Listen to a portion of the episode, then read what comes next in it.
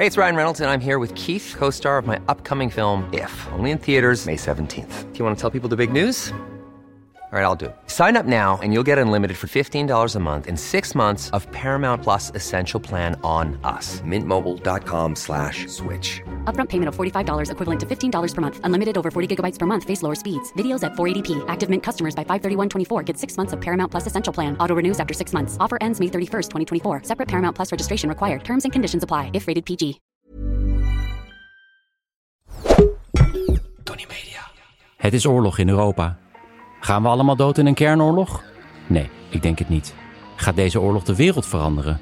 Dat weet ik zeker. In samenwerking met Dagblad Trouw probeer ik met deze podcast grip te krijgen op de oorlog. Elke dag houd ik je op de hoogte van de situatie in Oekraïne en Rusland. En dit gebeurde er op dag 89 van de oorlog. De Russen hebben de stad Mykolaiv onder vuur genomen. De stad ligt strategisch op de route naar Odessa. Russen proberen al maanden om deze stad in handen te krijgen. Ook artillerievuur in de regio Gerson en Zhytomyr in de Donbass zijn de Russen verder bezig met het omsingelen van de steden Severodonetsk en Lysychansk. Severodonetsk wordt van vier verschillende richtingen omsingeld. En Rusland is steeds uh, dichter bij een complete omsingeling. Maar dit gaat tergend langzaam. Opnieuw hebben ze geprobeerd de rivier de Severodonetsk over te steken met pontonbruggen, maar opnieuw is dat mislukt. Ook zijn ze weer geplaagd door incompetentie. Zo liet het Russische leger een militaire positie filmen door een militair correspondent. Ik had het al eens eerder over hem. Hij is echt een van de ergste propagandisten van de Russische televisie. Met de toepasselijke naam Alexander Kots. Met veel trots liet hij de gemechaniseerde artillerie zien. Het beruchte tulpaan of tulpkanon. Die eh, zorgt voor heel veel dood en verderf in Oekraïne. In de reportage was de achtergrond duidelijk zichtbaar en het Oekraïense leger was daardoor in staat om de precieze locatie te achterhalen en dit kanon op te blazen met alle munitie erbij. Wat een grote tegenslag is voor het Russische leger. Vandaag in Kiev was uitspraak in de rechtszaak tegen Vadim Shishimarin. Dat is die 21-jarige soldaat die werd verdacht van oorlogsmisdaden. Hij zou een 62-jarige Oekraïense burger hebben doodgeschoten. De rechter verklaarde hem schuldig van moord met voorbedachte raden. Hij heeft een levenslange gevangenisstraf gekregen. En de hoop is dat deze rechtszaak Russen af zal schrikken om nog meer oorlogsmisdaden te plegen. Er worden nog 11.000 oorlogsmisdaden onderzocht, waarvan er 600 verdachten bekend zijn. Daarvan zijn er maar een paar in hechtenis door de Oekraïnse autoriteiten. In het centrum van Kiev zijn voor het eerst sinds begin van de oorlog Russische tanks gesignaleerd. Maar niet op de manier waar Poetin van droomde. Het zijn kapotgeschoten voertuigen die werden tentoongesteld op het Mikhailovplein. Mensen gingen erheen als uitje en uh, ja, met een afgebrande tank op de foto. Intussen in Rusland zijn er opnieuw twee recruteringscentra voor nieuwe soldaten in brand gestoken. Beide in Siberië. Uh, er zijn al eerder recruteringscentra in brand gestoken. De teller staat nu op nummer 12. Even een herinnering dat het verzet tegen de oorlog in Rusland groeit. Laten we gaan kijken naar de Russische media. En dat verzet tegen de oorlog was ook te merken bij een concert in Sint-Petersburg vrijdagavond. Bij een concert van de popband Kies Kies. Ik laat even een stukje horen hoe het er daartoe ging.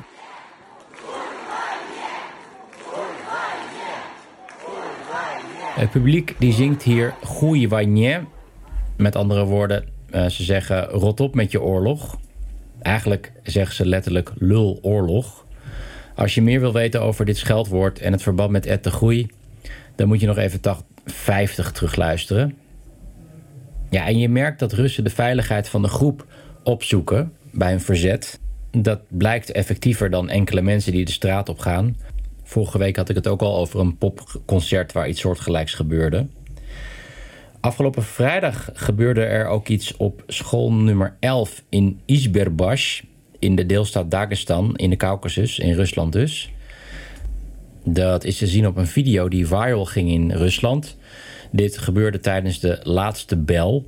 Dat is het moment dat achtste groepers de laatste echte schooldag hebben voordat de toetsen beginnen. Hun laatste echte dag op school, zeg maar. En iedereen is dan netjes aangekleed. En alle kinderen hebben gelegenheid om iets te zeggen. En een elfjarig meisje die zegt dan nee tegen de oorlog, vrijheid voor Oekraïne en Poetin is een duivel. Met daarna nog redelijk wat applaus van het publiek. Dat vond ik ook opvallend. Verder zag ik op mijn tijdlijn uh, op Twitter ineens een foto langskomen van Nederlandse politieagenten in een park. Gepost door een Russin die ik volg, Maya Wolf-Katz. En ze schrijft: Vroeg in de ochtend volg ik de politie door het park. Ze begroeten mensen op de bankjes. Andere mensen zeggen fijne dag tegen de politie. En de agenten glimlachen. Ja, voor jullie misschien niet echt iets bijzonders, maar voor een Rus dus wel voor mij weer even een reminder hoe gezegend we zijn dat we in dit land wonen. Waar je over het algemeen de politie kan vertrouwen. En waar de politie er is om misdaad te bestrijden in plaats van misdaden te plegen. Zo ben ik in Rusland ooit gefouilleerd toen ik een nachtclub uitkwam. En bleek die politieagent mijn portemonnee te hebben gestolen. Dan over Mariupol, die nu in handen is van de Russen. Het is moeilijk om te weten wat er in de eerste week van de oorlog is gebeurd daar. Er zijn bijna geen beelden van wat zich daar afspeelde. Er waren bijna geen journalisten. De laatste twee journalisten die daar zaten waren van persbureau Associated Press. En met gevaar voor eigen leven hebben ze daar hun werk gedaan en zijn uiteindelijk die stad uitgevlucht. Een van die journalisten heeft unieke beelden van Mariupol naar buiten gesmokkeld.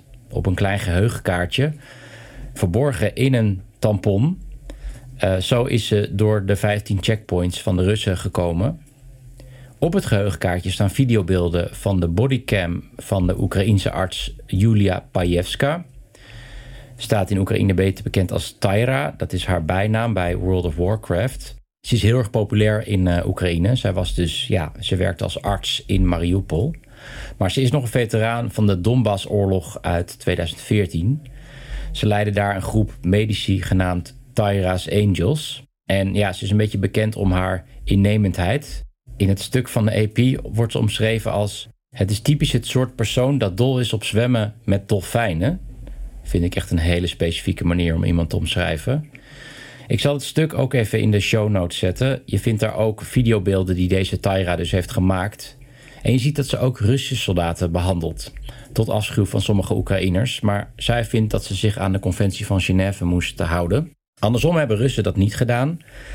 Toen ze twee maanden geleden gevangen werd genomen, uh, werd ze onder druk gezet om een opgenomen getuigenis af te leggen.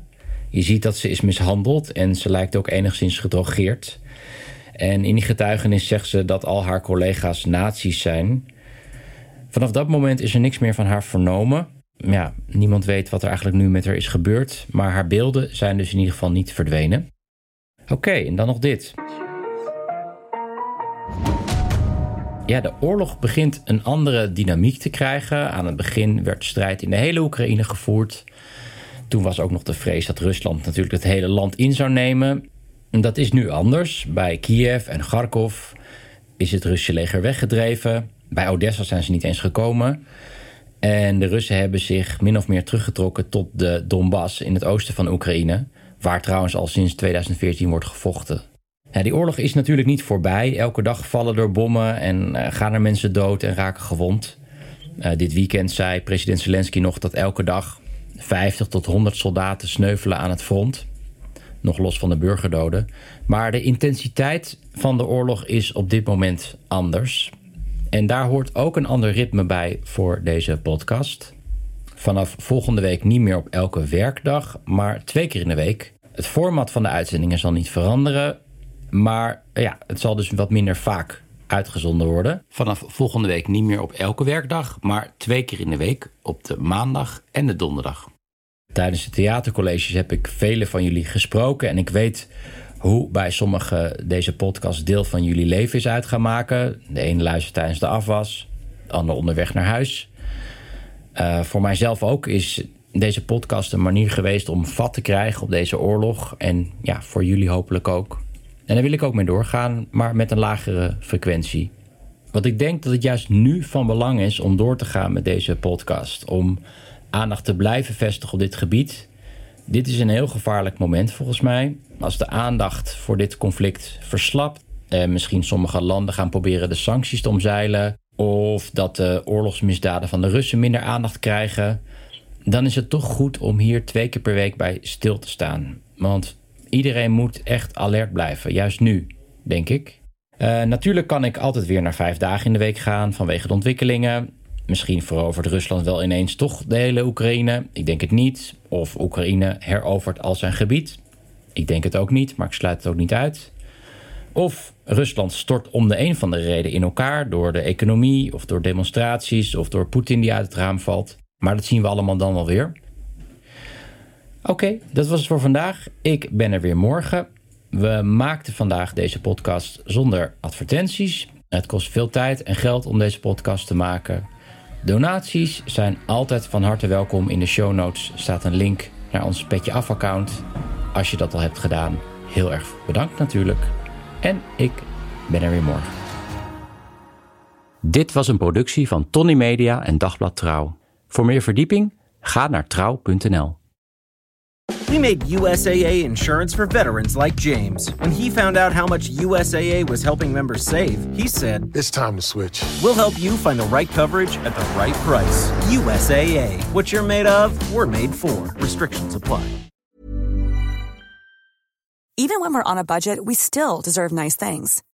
Quince is a place to scoop up stunning high end goods for 50 to 80% less than similar brands. They have buttery soft cashmere sweaters starting at $50, luxurious Italian leather bags, and so much more. Plus, Quince only works with factories that use safe, ethical, and responsible manufacturing. Get the high-end goods you'll love without the high price tag with Quince. Go to quince.com/style for free shipping and 365-day returns.